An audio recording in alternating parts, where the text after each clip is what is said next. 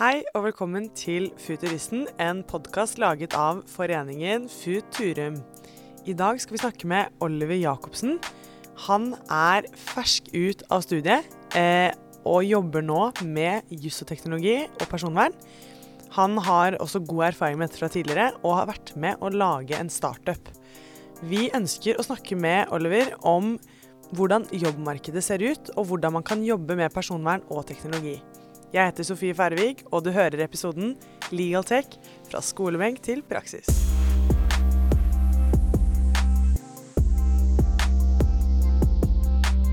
Velkommen til en ny episode av Futuristen.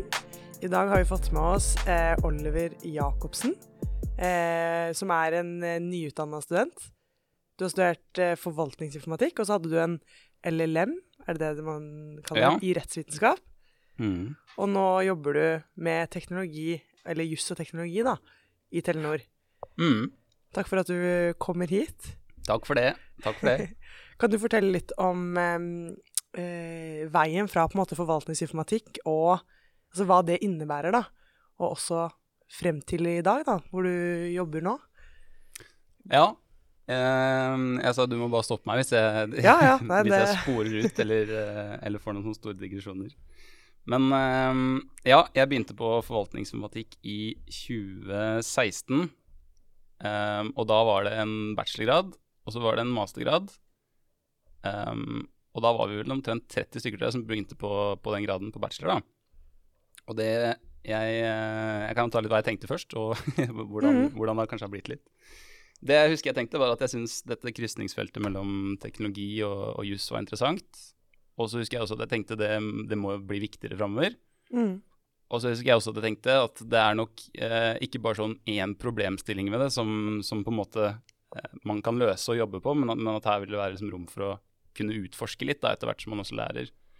Og det syns jeg stemte ganske bra. Um, da jeg begynte på det, så var det eh, på en måte litt programmet, da, så var det en sånn sammensetning av eh, ja, digital, for si forvaltningsrett som et sånt uh, kjernejuridisk område fra før av. Eh, litt sånn statsforvaltning.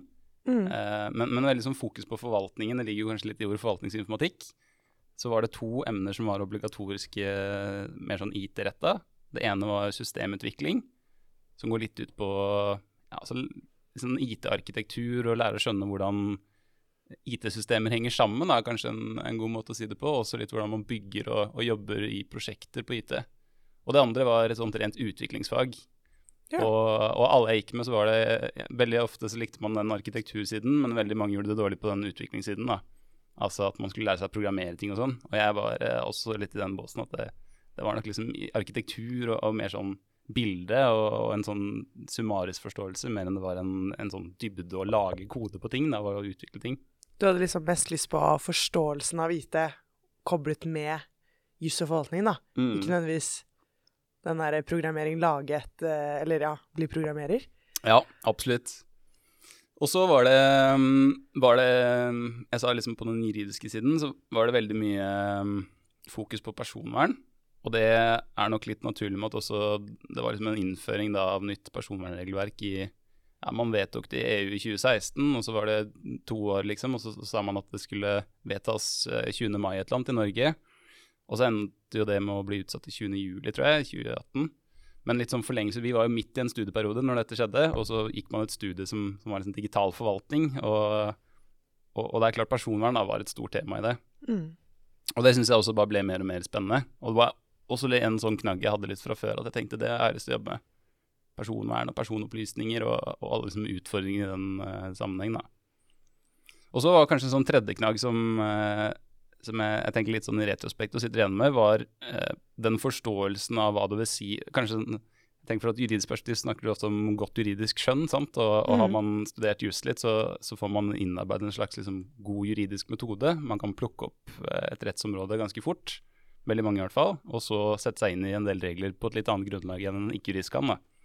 Og det møtet der med skjønn, og skulle si noe om hvordan det ser ut i systemsammenheng, ehm, det hadde også en ganske sånn interessant vinkling på, syns jeg, det studiet. da.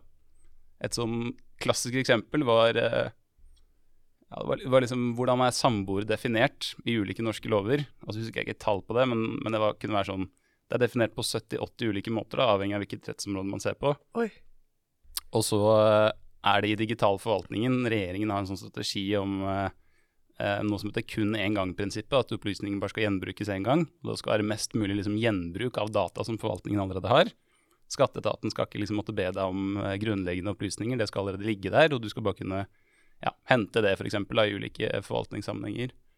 Og eh, det å da skulle ta ganske sånn utvedelige juridiske begreper i noen lover, sånn som når du er en samboer, som jo utløser en hel del Altså det har, har en ganske stor betydning i å fatte vedtak i en del sammenheng.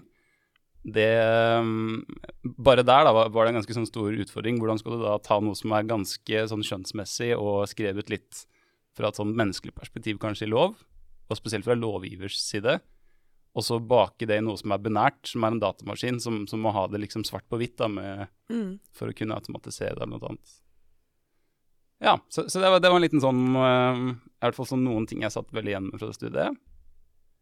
Og så ehm, Og så var jeg nok litt der at jeg ikke ville bare jobbe med, med IT, liksom. Det, var noen som gikk litt den veien, og som faktisk endte opp med å, med å bygge på, på å ta master, for så vidt, i IT og informatikk og sånn. Men jeg syns nok juss var mer interessant. Um, og så syns jeg spesielt personvern da var veldig interessant. Um, ja, så begynte jeg å jobbe litt underveis. Ja, for du hadde jo flere relevante jobber da fra andreåret. Um, kan du fortelle litt om de jobbene du hadde? Og det er jo interessant for andre studenter også å høre hvordan type jobb man kan jobbe med hvis man er interessert med, i personvern eller IT og juss, da. ja. Jeg, um, ja, andreåret mitt så begynte jeg å jobbe i uh, Jeg søkte på en stilling i BDO, som er et uh, Jeg vil egentlig først og fremst kjent som et revisjonsfirma, men, men ja, de driver med mange ting. Der var det en, uh, et selskap innen konsernet som het BDO Advokater, og de hadde igjen en avdeling som, som spesialiserte seg å jobbe med personvern. Um, jeg begynte der og jobbet der deltid da fra andreåret mitt, uh, og det var da i starten av 2018. Og så visste man i Norge at personvernforordningen kom i kraft i mai 2018. Så det var jo en hel masse oppdrag vi hadde for offentlig sektor og privat sektor osv. med Mye var, mener jeg, bare en generell sånn bevisstgjøring. Og noe var eh, Eller, eller noe, og mye var også konkret arbeid. Eh, type eh, å lage styringsdokumentasjon for hva det vil bety for en virksomhet. Og hjelpe til risikovurderinger. Eh, en del avtaler, særlig i liksom IT-sammenheng, hvor du kjøper en IT-tjeneste og man må inngå sånne databehandleravtaler osv. Så, så Så jeg var i BDO et års tid der, og da, da jobbet vi veldig sånn fra et høynivå, da, som jeg ser litt tilbake på da, Det var en sånn som jeg liker, litt sånn juridisk perspektiv på personvern. Mm. Um, og det var liksom startskuddet mitt også inn for å begynne å jobbe, jobbe mer med det, da. Mm. Og så begynte jeg å jobbe etter hvert uh, ja, Det vil si et, et litt stykke ute der, så skjønte jeg at jeg hadde lyst til å Eller at jeg trengte å få litt mer teknologisk forståelse for å altså få en liten sånn hvordan ser bransjen ut, og hvordan Hva er noen skal si, aktuelle liksom, IT-programstillinger i møte med personvern? Den ser du ikke så godt når du er omringet av jurister og advokater hele tiden, så, så snakker vi liksom veldig mye et litt annet språk, da, og, og har bare ikke den kompetansen. Så da hadde jeg lyst til å søke meg over på et IT-byrå. Um, så jeg søkte et selskap som het Move, og de var på en sånn bedriftspresentasjon, husker jeg, så lukte jeg det veldig godt. Um, så søkte jeg dit, og der, um, der søkte jeg som en sånn rådgiverstilling, og jobbe um, um, Jeg husker ikke helt hva tittelen min var, det var liksom compliance eller juridisk rådgiver eller et eller annet, hvor, det, hvor jeg hovedsakelig har jobbet med personvern, ikke liksom eh, juss i det brede. Det var det jeg på en måte bare hadde kunnskap på, sånn litt spesielt òg da. Um, ja, så var jeg der i en to og et halvt års tid type, og lærte altså så mye om teknologi, og anskaffelser av teknologi i offentlig sektor, veldig mye om risikovurdering, veldig mye om informasjonssikkerhet, som jeg tror også er en sånn man ser veldig fort når man begynner å jobbe med personvern, så er du nødt til å skjønne informasjonssikkerhet ganske fort. Og så er du også nødt til å skjønne der hvor eh, noe er sikkerhet og noe er personvern. Som, som også har vært en ganske sånn, det vil jeg si, modning i I hvert fall av hva jeg har sett, da. eh, I de oppdragene som vi har vært ute i.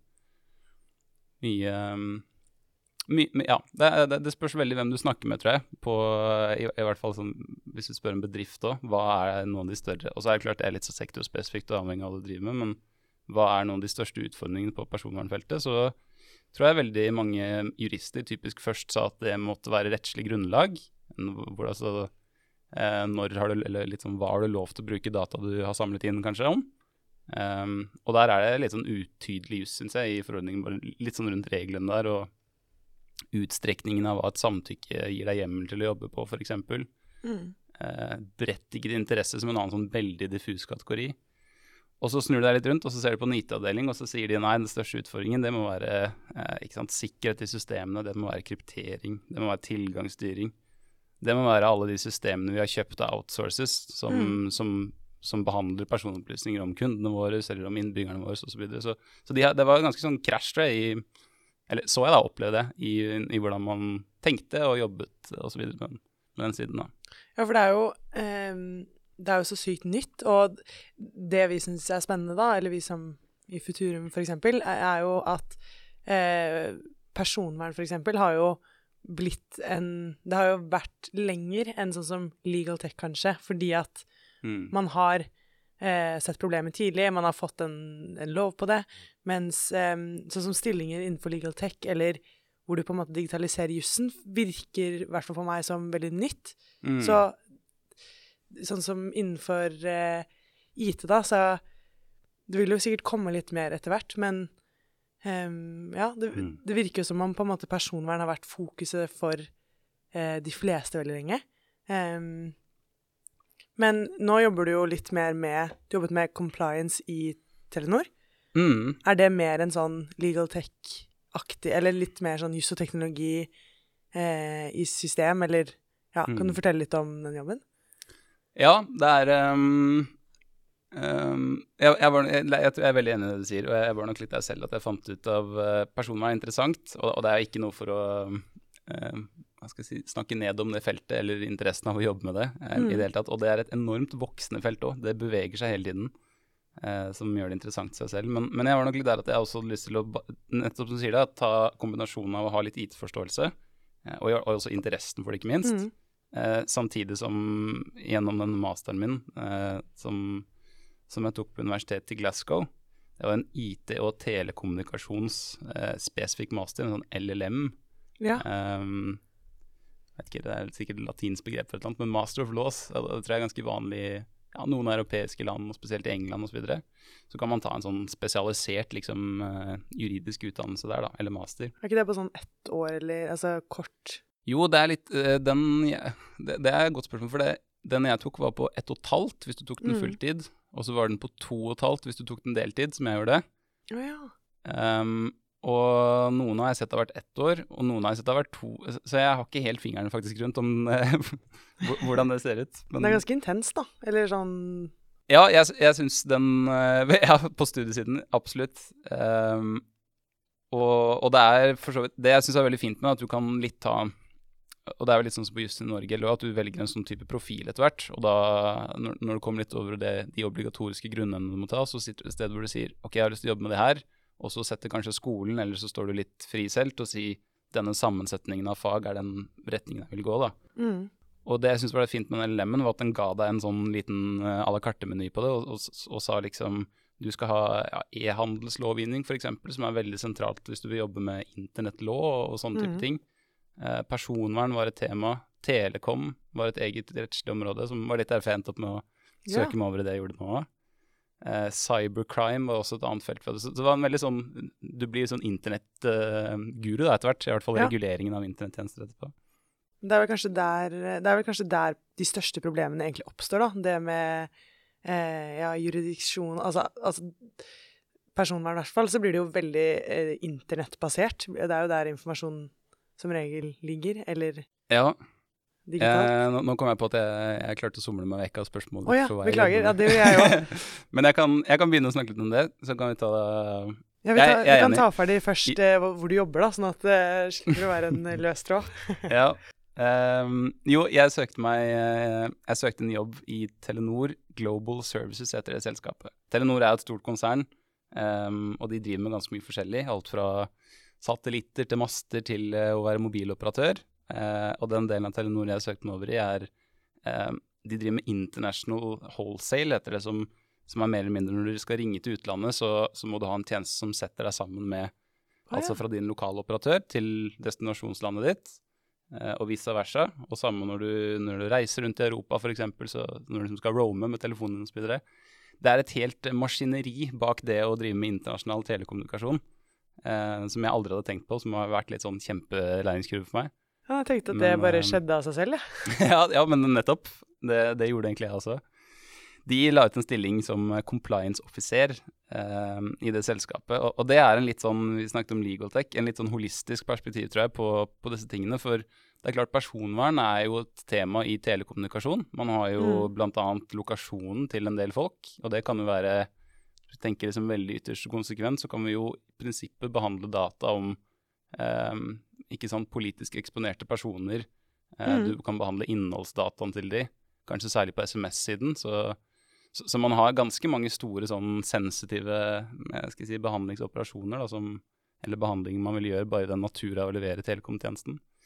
Men også andre, eh, og, og det var litt derfor jeg også jeg tenkte det må være et gøy sted. Det er, det er i IT-sektoren, eller i telco-sektoren, så, så det er ikke liksom veldig fjernt fra, fra den verden jeg litt kom fra, som, var, som også var i IT-bransjen. Samtidig så, så har de noen litt sånn særegne problemstillinger som bare det å være i tele telekommunikasjon. Eh, og så hadde de da lyst på, eller vil si utlysningen var, var liksom til en compliance-funksjon som gjør at jeg kan jobbe litt med alt. Ja. Eh, og ikke bare liksom drille meg ned i personvern, men, men eksempel så har jeg en personvernombud som jobber hos oss, som jeg jobber en del med. Og han er liksom ekspert på nettopp de personvernproblemstillingene. Eh, det er en, sikkerhets, eh, en sikkerhetsfunksjon som jeg jobber mye med på sikkerhet. Det er noen som jobber med sanksjonslovgivning. Altså det, det er liksom et helt apparat av mennesker som, eh, ja, som jeg får lære av å, å jobbe med. Og, og den legal tech-grensningen, da, det som jeg ser veldig tydelig fra og har kommet litt fra personvern og litt sånn Og det er jo særlig, jeg har jobbet med det fra et virksomhetsperspektiv, ikke sant. Jeg har jobbet med å hjelpe bedrifter å få kontroll, eller egentlig å etterleve personvernregelverket. Mm. Eh, og det samme gjør man når man jobber med compliance, så jobber du med å etterleve krav som den bedriften jobber for har. Ehm, I Telekom så er det kanskje litt mer fokus på noen områder enn det f.eks. er i en bank, som har kjempefokus på ikke sant, hvitvasking Mm. som en finansiell institusjon. Um, og, eh, og den legaltech-grensningen, som er i hvert fall litt sånn som jeg ser det, det er du Alle disse temaene er nå blitt digitale. Eh, banktransaksjoner er blitt digitale. Eh, Telekomtransaksjoner har jo alltid vært digitale, for så vidt, men har blitt enda mer digitalisert, de også. Eh, personvern er digitalt. Vi behandler dataen i en skytjeneste, vi behandler den på en applikasjon. vi behandler den liksom, Det skjer digitalt. Um, og, og da kan man jo si noe av den utviklingen man ser litt på compliance, er at også det arbeidet som kanskje mer var klassisk styrt av, av liksom manuell én-til-én osv., det er nå mye mer automatisert, da, f.eks. Og, og da er jo litt tilbake til det jeg begynte med, med at liksom hvor, i hvor stor grad hva kan det automatisere, og hva er begrensningene litt sånn mm. der. Utgangspunktet mitt veldig ofte for sånne prosjekter, eller å foreslå sånne prosjekter, er at der hvor jeg ser det er veldig lett å standardisere noe, og liksom eh, ta et krav, og så eh, skal jeg si det, er- det er lett å, å utrede hva som ligger i det kravet, så er det også litt lettere å putte det inn i et IT-system enn det det er hvis det er ja, sånn som en risikovurdering. da, Å bare få en risikoprofil er ofte litt sånn, i hvert fall personvern, skal liksom ta hensyn til mengden data og størrelsen og hvem det gjelder. og Det er en masse variabler som gjør det vanskelig å liksom bare automatisere det, f.eks. Man har jo kanskje ikke så mye eh, altså, statistikk, da, eller jeg vet ikke, rettspraksis på det. Altså sånn, det er vanskelig, men det er jo så nytt, så det er kanskje det også gjør det litt vanskelig at man Mm. ikke har helt oversikt Ja. selv. Altså sånn som det å jobbe som jurist med personvern, da, eller med GDPR-forordningen, den er jo Det er jo vanskelig å kanskje Mm. ha det derre skjønnet innarbeidet, da. Eller eh, Absolutt. Ja, absolutt. Det er Ja, og når man først er personvernombudet, så det er et interessant et, for det er eh, Det har vært et felt i stor utvikling, altså. Det, jeg vil si bare det man tenkte kanskje var en utfordring, eller i hvert fall det man fokuserte mest på, og det var litt naturlig nok òg, for det er en modningsprosess, ikke bare i samfunnet, men, men for virksomheter også. Det compliance-perspektivet igjen, liksom. Det tar tid for virksomheter å bli gode på disse tingene. mm, Um, vi er nok der for veldig mange at det har blitt mer og mer spissa, og, og kanskje nå Og nå er ikke jeg lenger liksom eh, kjempeoppdatert på, da, på daglig som jeg kanskje holdt på med litt før, men jeg vet at dette med, med, med data, særlig inn og ut av EU, og, og liksom hvordan overføringer til utlandet osv. Det var en liten domserie som Shrems, Shrems Ja. 1 og 2. De, eh, det har skapt ganske mye buzz rundt akkurat det. Mm. Men um, ta, altså, tilbake til 2016, da når du begynte med forvaltningsinformatikk. Var eh, sånn legal tech altså, når, vi, når jeg begynte på Husen i 2018, så syns jeg ikke det var så mye tilbud for de som var interessert i personvern. Det var på en måte forvaltningsinformatikk-biten, Mm. men det har jo på en måte blitt veldig mye mer de siste årene. Men når du søkte jobb nå, ser du at det er en, eh, mye, mange som utlyser stillinger som har Ligotech, eller eh, at IT-kunnskaper blir veldig, veldig ettertraktet hos jurister? Eller er det fortsatt på en måte litt sånn buzzword, det med Ligotech? Ja, jeg, jeg tror det spørs veldig hvor du søker deg hen. Mm. Um, og det har jeg tenkt mye på, fordi uh, hvis du hvis du skal jobbe veldig sånn hvis, si, Sånn som compliance, da, som, som litt det der fellesbegrepet for Og da mener jeg virkelig uansett om det er offentlig eller privat. Du, du ønsker å jobbe med altså, La oss si du er interessert i ett område. Det kan være person, men det kan være andre områder også. Typisk sånne core compliance-fag. Eh, for å bare ta de kjapt, så eh, er det gjerne antikorrupsjon. Mm. Det kan være hvitvasking hvis du jobber i en finansiell bedrift. Konkurranserett er veldig relevant, å, å passe på konkurranseregler, og gjerne i større foretak. Personvern har blitt liksom kjernen. Mm. Sanksjon hvis du driver med handel mellom altså, ulike land, og, og handel med kanskje særlig sanksjonsutsatte jurisdiksjoner. Eh, eksportkontroll er et annet tema. Så det, det er en hel del liksom, eh, områder jeg tror som, som folk vil kunne kanskje begynne å ha en interesse for. Og så, hvis du da skal begynne å jobbe med det, så, så ser du plutselig fort liksom, konsekvensen av den eh, møtet med teknologien, rett og slett. da. Mm. Um, så jeg vil si, eh, hvis man på en måte ser for seg den veien litt, hvis det er å, å jobbe for en bedrift, eller, eller forvaltningen for så vidt, hvor man som, som utgangspunkt liksom syns et par eh, sånne rettsområder er interessante, og man vil jobbe med å passe på at de klarer å etterleve det, Mm. så er det veldig, veldig lurt å, å lære seg bare Og ikke så mye den utviklingssiden, tror jeg det er veldig mye fokus på, men bare en, en litt sånn grunnleggende forståelse av teknologi. Um, det tror jeg er det ene. Og det andre er også hva du kan bruke det til. For det, er- det er veldig sånn um, Jeg skal liksom se litt inn i glasskula på hvor vi er hen litt, da, med, på det compliance-feltet spesielt. Så, så er man, og, og andre for så vidt, så er man litt der hvor eh, Sånn som den skyreisen for mange virksomheter som var liksom å ta dataen sin fra kanskje et datasenter, Mm. og så kjøpte du en Microsoft-tjeneste. Universitetet har sikkert gjort det samme med 365, og så har dere liksom Teams og Microsoft Word og Mm. hele den porteføljen av applikasjoner. Eh, så kjøper bedrifter den, og så putter de dataene sine inn igjen, og så har man en god samhandling med, med Outlook, og man kan snakke på Teams, og man kan dele filer og jobbe bra sammen. Eh, og snakke med kunder, ikke minst. Og, så nå, og det var på en måte kanskje første fase, fase to er litt å drive med verdiskapning oppå den plattformen sin. Mm. Eh, som typisk skulle vært å lage datavisualisering for å rapportere automatisk. Um, ja, det, det kan være alle mulige Et annet eksempel er fra risiko, som er en veldig sånn i kjernen av eh, Jeg snakker litt om sånn teknologi og, og den sammenkoblingen med juss. Så tror jeg risikosiden har for meg i hvert fall vært den, den største biten jeg har kunnet jobbe digitalt med, da. Ja. eh, enn en andre. Men anerkjennelsen av det, det er, det er et veldig godt spørsmål. Jeg vet faktisk ikke helt hvor, um, hvor mye altså, Jeg syns jo personlig det er uhyrlig viktig. Ja. Jeg syns i hvert fall hvis man har lyst til å jobbe um, Ja. Nei, jeg, jeg bare syns det er viktig. Det er, det er enormt mange eksempler jeg kom på for hvorfor det er relevant å Ja, for det er det jeg syns eh, også Eller når man leser om det, man på en måte ser på alle andre virksomheter, hvordan de beveger seg da, eh, i retning, så er det jo alt er jo mot IT, altså digitalisering, mm. automatisering, altså eh, Og forvaltningsinformatikk, hvordan, eh, forva altså, hvordan man gjør forvaltningen også mer digital og mer effektiv. Eller ja, kan, man si digital? Ja. Mm. Um, og når man søker på Finn liksom, på nye jobber, så er det jo sånn Jeg tror sånn halvparten er jo IT-relatert. Så det må jo Jeg tenker også at det må komme til et punkt hvor det bare blir en sånn boom av at det trengs også Ligatech. Fordi det virker som det har blitt en veldig sånn boom på personvern, da. Mm. Eh, mange selskaper som ønsker det. I hvert fall kanskje etter GDPR-forordningen kom, man ble litt Ja, og, stressa på Og det er jo et godt eksempel òg, for nå skal jeg ikke si at jeg har lest alle personvernutlysninger, men jeg husker jeg har sett en del som er sånn Mm. du, du skal ha en rolle som eh, som liksom personvernrådgiveren, da, si, eller ombud f.eks. Eh, og så ha gjerne et kvalifikasjonskrav at du har en juridisk bakgrunn. Mm. Men så, så litt tilbake til det vi snakket på i stad, så, så kommer det i hverdagen. Og for meg så mener jeg du må klare å konsultere med en IT-avdeling i veldig stor grad. Og du må klare å Mm. skjønne den behandlingen av data skjer ikke på papir, det skjer i systemer. Mm. Og det skjer med tredjeparter. Det så- du med en gang så møter du den utfordringen at du må sette deg ganske dypt inn i teknologi da, for å klare å jobbe bra og, og være litt god på det, mener jeg òg. Mm. Ja, det må jo bare være positive kunnskaper å ha. Men uh, det virker som at uh, kanskje advokatbransjen, eller juss generelt, da tviholder litt på den gamle måten. At man Ja. ikke er litt redd da, for utviklingen.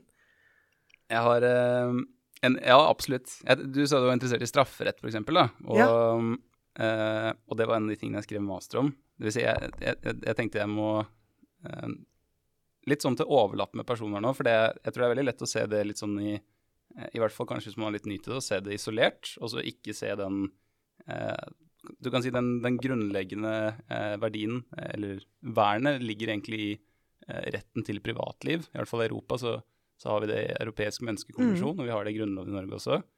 Eh, og, i, og i sånn straffesammenheng, som var litt poenget mitt, så, eh, så tenkte jeg fokus for oppgaven min, det må være Jeg ønsket nettopp også å se på elektroniske bevis. Jeg tenker den Ja. dataen vi strør rundt oss i, i møte med tjenester, eh, den er helt enorm. Digitaløkonomien er enorm. Eh, det som er adtech-bransjen har bare vokst og vokst og vokst. Mm. Så, så vi går jo mot en retning hvor liksom digit digitale spor, det gjør vi. Det, det er den veien vi går. Ja. Eh, og så kan man liksom snakke om samtykke er riktig veien, men, men på en måte vi kommer til å gå dit, tror jeg uansett. Eh, og, og det man har gjort på EU, var at man, man ønsker Det var et forslag til en ny forordning på eh, innhenting. De ønsker å gjøre det lettere for myndigheter å hente eh, hente ut bevis mellom land, både innad i Europa, men også utenfor Europa.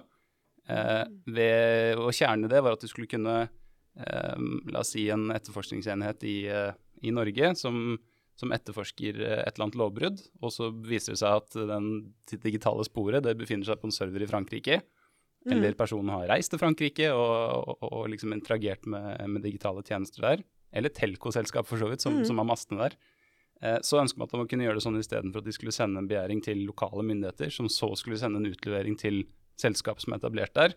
Så skal man, i hvert fall foreslår de da, at man skal kunne sende den rett til selskapet selv. Ja. Og da får vi plutselig også nytt et compliance-felt, hvis du da sitter og jobber og skal håndtere sånne forespørsler inn. ja, ja. Um, og, og da gikk oppgaven litt ut på denne tvisten mellom Eller eh, der hvor det gniste litt, da.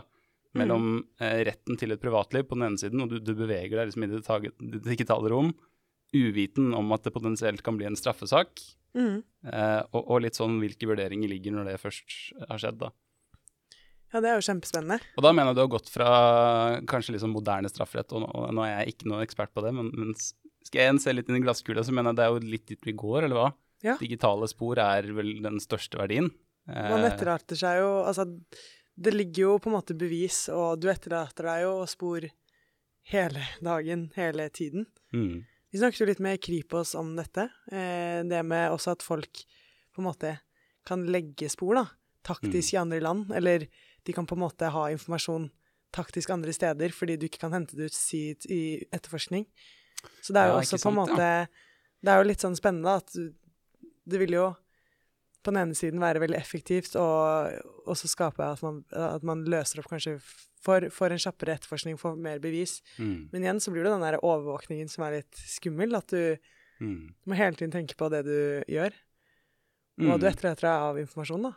Ja, nettopp. Det er eh, eh, en av de hovedargumentene jeg hadde for en oppgave nå, for så vidt ja, hovedargumenten. det, det jeg litt landet på til slutt, det var eh, Eller vinklingen min. Man prøvde i det forslaget eh, å rett og slett redefinere kategorier, elektroniske kategorier data. For bare ta litt bakgrunn, så I personvern så sier vi at vi har personopplysninger. Mm. Og det er en direkte eller indirekte eh, opplysning som kan knyttes til en identifiserbar person. Da. Og så ligger det noen vurderinger i når er identifiserbarheten her, osv. Um, og så har man i tillegg liksom sagt at det er noen særlige kategorier som skal behandles litt, eh, litt eh, Ja, rett og slett ytterligere vilkår for å behandle de, da. Og så kom man i dette forslaget, og da sa man, eh, introduserte man fire helt nye kategorier. Um, det vil si I tillegg til GDPR, som, som var den personopplysningssiden, så har vi noe som heter e-privacy-forordningen. Jeg vet ikke hva det er på norsk engang. E-privacy-forordningen som um, E-person.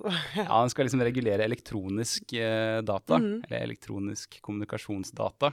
Typisk vil være metadata osv. Og, så Mm. og eh, intensjonen på EU er at disse to skal fungere harmonielt. Det skal være liksom regulering av personopplysninger, og så skal det være regulering av eh, typisk da opplysninger som eh, om når du snakket med en tjeneste, så produseres det en del data om den, ikke sant? F.eks. metadata om eh, hvem du snakket med, hvor du var fra, og klokkeslettet ditt, og en hel del liksom, opplysninger rundt den faktiske personopplysningen, kan vi si.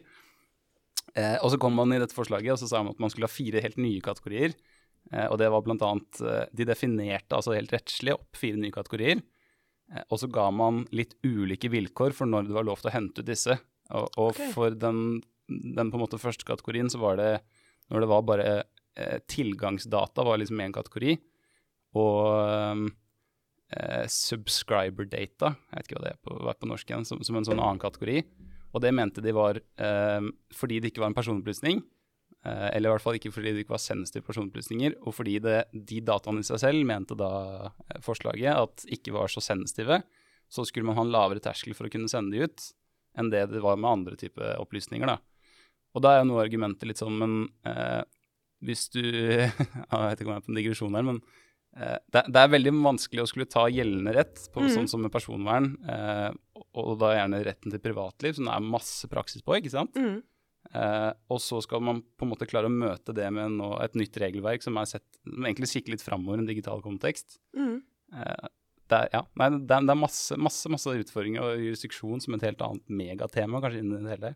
Ja, det er jo helt altså, Det virker som det også da er ganske nyttig å kunne på en måte personvern, IT Altså liksom hvordan sikkerhet Altså den miksen der da virker jo ganske eh, nice å ha når man skal jobbe Ja. med Ja, det er sant. eller sikkerhet også generelt. Og som du er sier i compliance også, da, at liksom Ja, det henger jo, altså, det henger jo sammen. Mm. Istedenfor å måtte ha en stor IT-avdeling i hvert selskap, da, så ha litt mer IT-kunnskap hos de som jobber der. Mm. Ja, det er sant. Og det er um, så, Ja, nei, ikke sant. Og som du sier med personvern, jeg tror hvis du er interessert i litt sånn hva er legal tech, ikke sant, er det Mhm. Jeg, jeg vet ikke, jeg har ikke noen god definisjon på det, men jeg, jeg tenker jo sånn det, er- det er kanskje to ting. Den ene er at du er interessert i juss, og den andre er interessert i teknologi.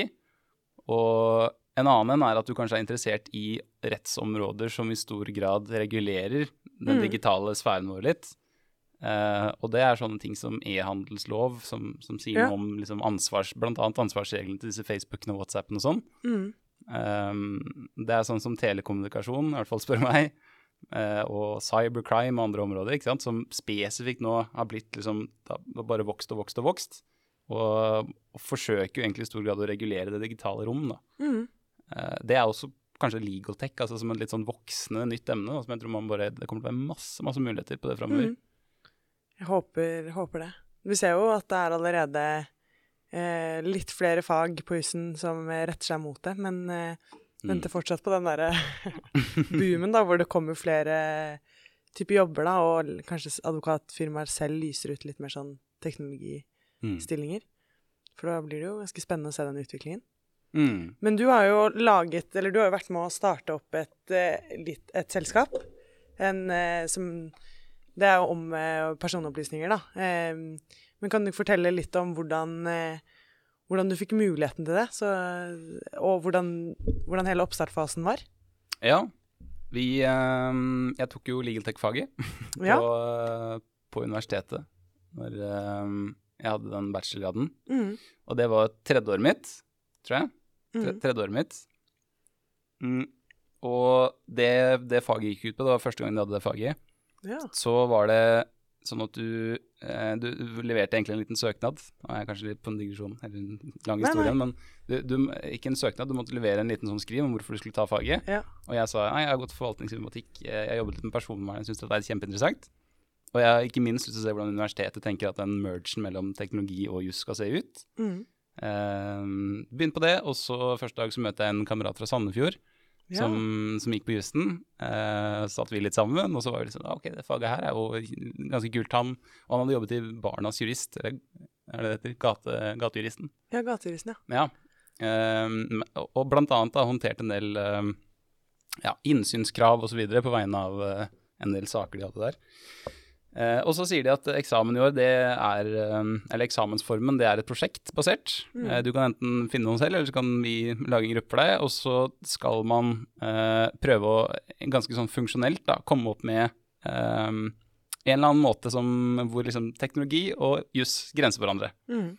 Og så begynte vi å snakke om innsyn, og, og da hadde jeg jobbet litt med personvern og tenkt sånn, det er jo en side av regelverket jeg vet veldig mange virksomheter har jobbet veldig lite med. Mm. Og på den andre siden så tror vi også det er en Eller vi hadde en sånn tanke om at ja, det er nok ikke sånn kjempestor modenhet blant folk på eh, Man har fått noen ganske forsterkede eller styrkede rettigheter fra, fra et sånn innbyggerperspektiv, men det regelverket også jeg syns man snakker for lite om. Um, så, så vi lagde en sånn caseoppgave på det. Um, og det gikk veldig bra, og så var det også ganske sånn sterk oppfordring fra Så veldig, veldig, veldig gøy altså, å jobbe med, med Malcolm og Tobias og, og flere av de gjesteprofessorene også Mm. på, på universitetet. Uh, de, de pushet oss veldig til at det her må dere liksom jobbe videre med, og, um, og hjalp oss egentlig ganske godt i gang med, med litt sånn uh, noe som heter UiO Inch, som er en sånn uh, studentdrevet startup-akselerator, tror jeg de kaller det. Okay. Men de holder til oppå IFI, ved Forskningsparken. De, ehm, ja, de, de er der for studenter og skal hjelpe deg å realisere startup-virksomhet og, og gode studentideer og i det hele tatt. Um, så vi dro dit, og så tenkte vi ja, nei, men la oss kanskje prøve å jobbe og se om det her er noe. Mm. Og så var det en liten startup-konkurranse uh, hvor du skulle pitche liksom ideen din. Så gjorde vi det. Um, og hvis man vant den, så fikk man sånn 60 000 i startkapital. Eh, man fikk hjelp til å etablere et AS. Man fikk noen gratis timer. Noen regnskapsfører, juridisk hjelp til grunnleggende selskapsavtaler osv. Cool. Og ikke minst litt sånn pondus, da, for å liksom Oi, det er en Du får verifisert den din litt. Eh, og så viste det seg at en av de eh, Så går det litt tid, og en av de som var mentoren vår på UO Inch, han sluttet på Inch, og så begynte han hos oss eh, og, og ville jobbe med prosjektet vårt. da. Um, ja, og så sa jeg kanskje ikke hva prosjektet er. Nei, Jeg gikk rett på eh, Ja, men det vi eh, ja, jo, Jeg snakket litt om innsyn. Ja. Det vi skrev oppgave om, var uh, Vi mente, eller hypotesen vår var man skulle kunne gjøre det lettere å få innsyn i egne opplysninger. Uh, altså personopplysninger. Og som et resultat av det, for, for, altså, i det, hvis du gjør det lettere for innbyggere, så gjør det det vanskeligere for virksomheter. Uh, og, og vi spiste oss egentlig inn på offentlig virksomhet først og fremst, men det er klart du har jo mye data hos Facebooker og så videre, men, men, men liksom for å ikke gå for hardt ut heller, kan, kan man si. Og det er en del utfordringer der som, som også gjør det valget litt lurt, tror jeg. Um, det var Vi prøvde å lage en sånn, et skjæringspunkt mellom begge to. Vi ville gjøre det lett for innbygger å kunne anvende rett og slett sine nye forsterkede personvernrettigheter. Så ville gjøre det lettere for virksomhetene å håndtere sånne type krav. da. mm. Og det har prosjektet vårt gått ut på, som har vært veldig veldig mye idétesting og videreutvikling, og gått ned litt feil spor, og kommet inn på litt riktig spor, og fått en god veiledning, og ja, i det hele tatt. Men dere har holdt på en stund nå, eller dere har jo fått videreført hvert fall prosjektet. Og Ja, vi, eh, ja, så vi begynte med det Jeg husker Årstallet er jeg veldig dårlig på. Eh, kanskje det var 2019, mm. tror jeg vi hadde det faget. Jeg tror det kan stemme. Um, ja, og siden da så har vi jo fått utvidet teamet litt. Nå er vi seks stykker. Vi har én intern fra fakultetet. Eller Mm. en sånn ja, intern-intern. Hun, uh, hun jobber med en del sånn juridiske ting for oss. Ehm, og vi har eh, Den største sånn bragden vi hadde sist, var at vi, vi var med i Forskningsrådet, har noe som heter Student, som er en sånn studentstipendkonkurransesøknad-typ, eh, konkurransesøknad-typ, som du kan være med på. Um, så vi var med på det, og, og prisen var du får én million i stipend hvis du, hvis du vinner. Eh, Og så er det flere som vinner, for så vidt. Um, og den fikk vi for um, litt under et års tid siden, da. Det er kjempekult. Ehm, og det, ja, absolutt. Og, og det hjelper jo veldig også som en oppstartsbedrift. Yeah. Jeg mener midler er jo en Veiledning er en annen kjempestor utfordring. Um, så får vi se litt. Jeg, jeg ser jo sånn litt, litt status per i dag, at vi har jo en del dette innsynsspørsmålet, for å ta litt konkret, det er, eh, det er ikke lett. Uh, og det er heller ikke sånn at du kan løse det med én aktør. Um, to eksempler på det er når du skal Hvis vi lager en portal hvor mm. du kan f.eks. logge deg inn og verifisere deg selv, Mhm. kanskje det aller første, og så kanskje du kan lage det ganske lett for deg og, og sant, hvem ønsker du innsyn hos, hva ønsker du innsyn i, Mm. eh, osv. Så, videre. så må du klare å pakke den beskjeden og sende den sikkert til da den du skal ha innsynskravet ditt hos. Ja. Eh, og, og den første utfordringen, på en måte, den første tredjepartsaktøren du da trenger, er en meldingsformidler. Og i offentlig sektor så vi har bl.a. sett noe som heter e-formidling, som er en sånn komponent Mm. fra Digitaliseringsdirektoratet som kan gjøre den jobben. Um, og så er det en annen komponent til. Den andre jobben er eh, når det lander der, så er det um, Og det er litt sånn tilbake til digital forvaltning. Det er ganske kompleks IT-struktur i en kommune, for å ta bare det Mhm. som et eksempel. De har masse tjenesteområder, de har masse fagspesifikke systemer. Alle behandler data litt her og der. Det er masse ulike systemeiere som er ansvarlig for å forvalte den dataen som ligger i ulike systemer. Og så skal du klare å koordinere en så stor virksomhet til å svare opp liksom hvilke data har du om Oliver, i et eksempel. da. Det krever en, en ganske sånn enorm systematikk. Og ikke minst så krever det at ikke du tar data da ut fra sikre systemer. La oss si et barnevernssystem, liksom, hvor det ligger vurderinger vurdering eller utredning eller ting som er kjempesensitivt, Mm. og, og som må ligge i et, et lokka system, for å si det sånn. Så kan du ikke bare ta det og dytte det inn i et annet system for å oppfylle dette innsynskravet. Så du må også gjøre den der å forhindre dataduplisering har vært en annen kjempeutfordring for oss. Hvordan man løser det. Og vi, eh, ja, vi har en idé om det, og det er vel egentlig at man, eh, man bruker noe som heter SAK-arkiv. Alle offentlige virksomheter er underlagt arkivloven, så de må arkivere en hel del ting. Blant annet innsynskrav, da. Så må Mm. de arkivere hvordan de gjør det. Så vi har spilt litt på, på egentlig det utgangspunktet, da, og da har de gjerne kjøpt en sånn SAK-arkiveringstjeneste. Mm. Det er et lite marked i Norge bare på det òg. Um, ja, som vi ønsker å integrere oss på, blant annet.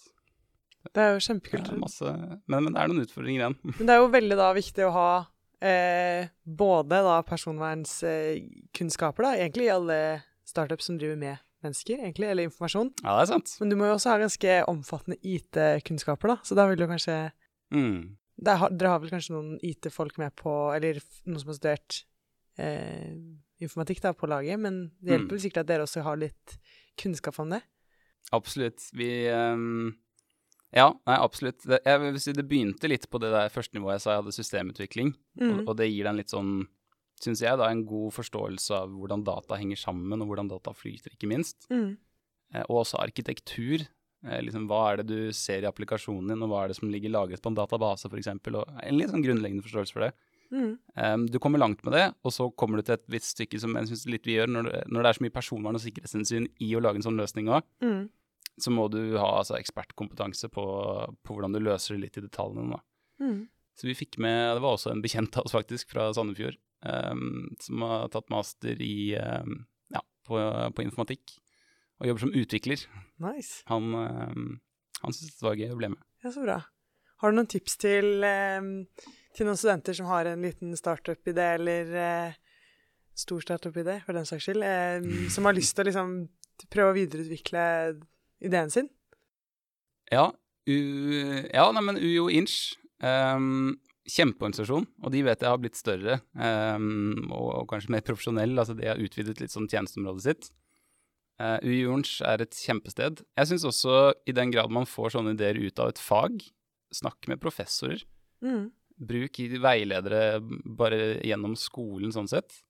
Um, og, og så er det også en del initiativer på bl.a. av juridisk fakultet for å, for å jobbe med studentinnovasjon. eh, og litt sånn eksperimentere med ideer og ja, ulike typer ting. Så, og det er jo en veldig lærerik ting. Om ikke, det har jeg tenkt litt også, sånn, jeg har brukt ganske mye tid på dette. Om, om ikke det blir noe, eller om man ikke kommer dit at man klarer å løse alle disse knaggene til at det gir mening og, eh, og klarer å videreføre, da. Så har man jo lært ganske mye underveis. Det er sant. Både sånn om man prøver å løse problemer, kanskje, men også en del om bare oppstartsvirksomhet. Da. Det er, eh, ja, det er mye, det er mye sånn rare, rare ting man skal forholde seg til der. Det virker ikke bare bare det, egentlig, å skulle starte opp en helt ny bedrift. Det virker som det er ganske mye man forholder seg til. Ja, ja det, er, det er jo absolutt det. Man øh, jeg skal, jeg skal knagge noen av de, så, så er det kanskje bare eh, Det å være et AS for for oss var en kjempeutfordring. Plutselig så fikk vi skatteplikter. Um, vi måtte ha et styre, vi måtte lære oss å kjøre styrereferat. Eh, Det er en hel lovgivning for hele den selskapsformen, sant. Um, vi skulle klare å, å beskrive produktet vårt en sånn måte at vi kunne opphavsbeskytte det i AS-et vårt. Mm. Um, vi skulle tenke litt på hvordan vi inngår avtaler, vi skulle tenke litt på hvordan det var å få inn interns annet, i forhold til om du er en, annen, eh, en arbeidsgiver eller ikke. Det er en del sånne, sånne utfordringer, ja. Ja, det virker vrient. Eller, men også gøy, da. Men også gøy, absolutt. Absolutt. Eh, helt til slutt, siste spørsmål. Eh, hvordan tror du jurister kommer til å måtte forholde seg til teknologi i fremtiden? Vi har jo snakket eh, litt sånn stort om det, men har Mm. du liksom sånn konkret, eller ikke konkret, men eh, på en tanke om hvordan, ja, hvordan vi må forholde oss til det i fremtiden, da? Ja. ehm, jeg tror jo igjen veldig avhengig av hva du ønsker å jobbe med.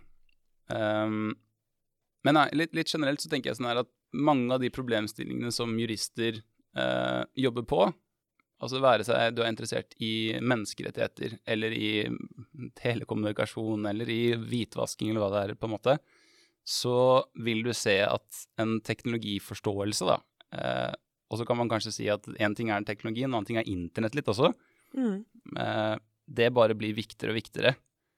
Um, og for å ta et eksempel, så tror jeg også det skifter seg litt. Type problemstillinger man Altså nye problemstillinger som treffer disse fagfeltene og utvikler også rettsområdene litt. da. Sånn som med personvern, plutselig så har man ganske omfattende regulering av liksom interkontinental dataflyt på et nivå man ikke hadde før. Mm. Uh, det krever jo en kjempeforståelse av nettopp den uh, altså Bare hvordan internett fungerer, rett og slett. Hvordan tjenester leveres. Um, en annen ting kan jo være um, dette med menneskerettigheter som jeg snakket på, med, eller, eller strafferett f.eks. Bevis som kanskje før var liksom du ransaket noen, eh, eller du kunne gå inn i leiligheten og se i papirskuffen. Det er liksom telefonen din, eller det er skytjenesten og lagre ting, eller det var eh, telefonmasten som har pinget lokasjonen din. Du, du må forstå litt det bildet og hva det betyr, for å klare å anvende Mm. anvende en sammenheng. Så jeg, jeg, jeg tror det kommer man ikke unna. Jeg tror hvis det er Jeg vet ikke helt hvor godt det er liksom, godt skille på de begrepene, men, men en, en, er, en er liksom teknologien og hvordan det henger sammen. Det andre er kanskje bare internett litt. Ja. Den globale naturen av det. Ja. Mm. Ja, det blir spennende å se. tusen, tusen takk for at du kom og delte dine erfaringer med både forvaltningsinformatikk og også hvordan jobb... Ja, hvordan eh, jobblivet da ser ut for en som er interessert i personvern og ligatek. Bare hyggelig. Ha det godt. Ha det. Du har hørt episoden Legal Tech fra skolebenk til praksis i podkasten Futuristen. En studentpodkast av Futurum, undergruppen i Congregatio Forensis ved Det juridiske fakultet i Oslo. Episoden er skrevet av Maria Wahl og produsert av teknisk ansvarlig Joakim Sørbø Snerte. En stor takk til våre hovedsamarbeidspartnere Håvin og PwC. Vi høres neste gang.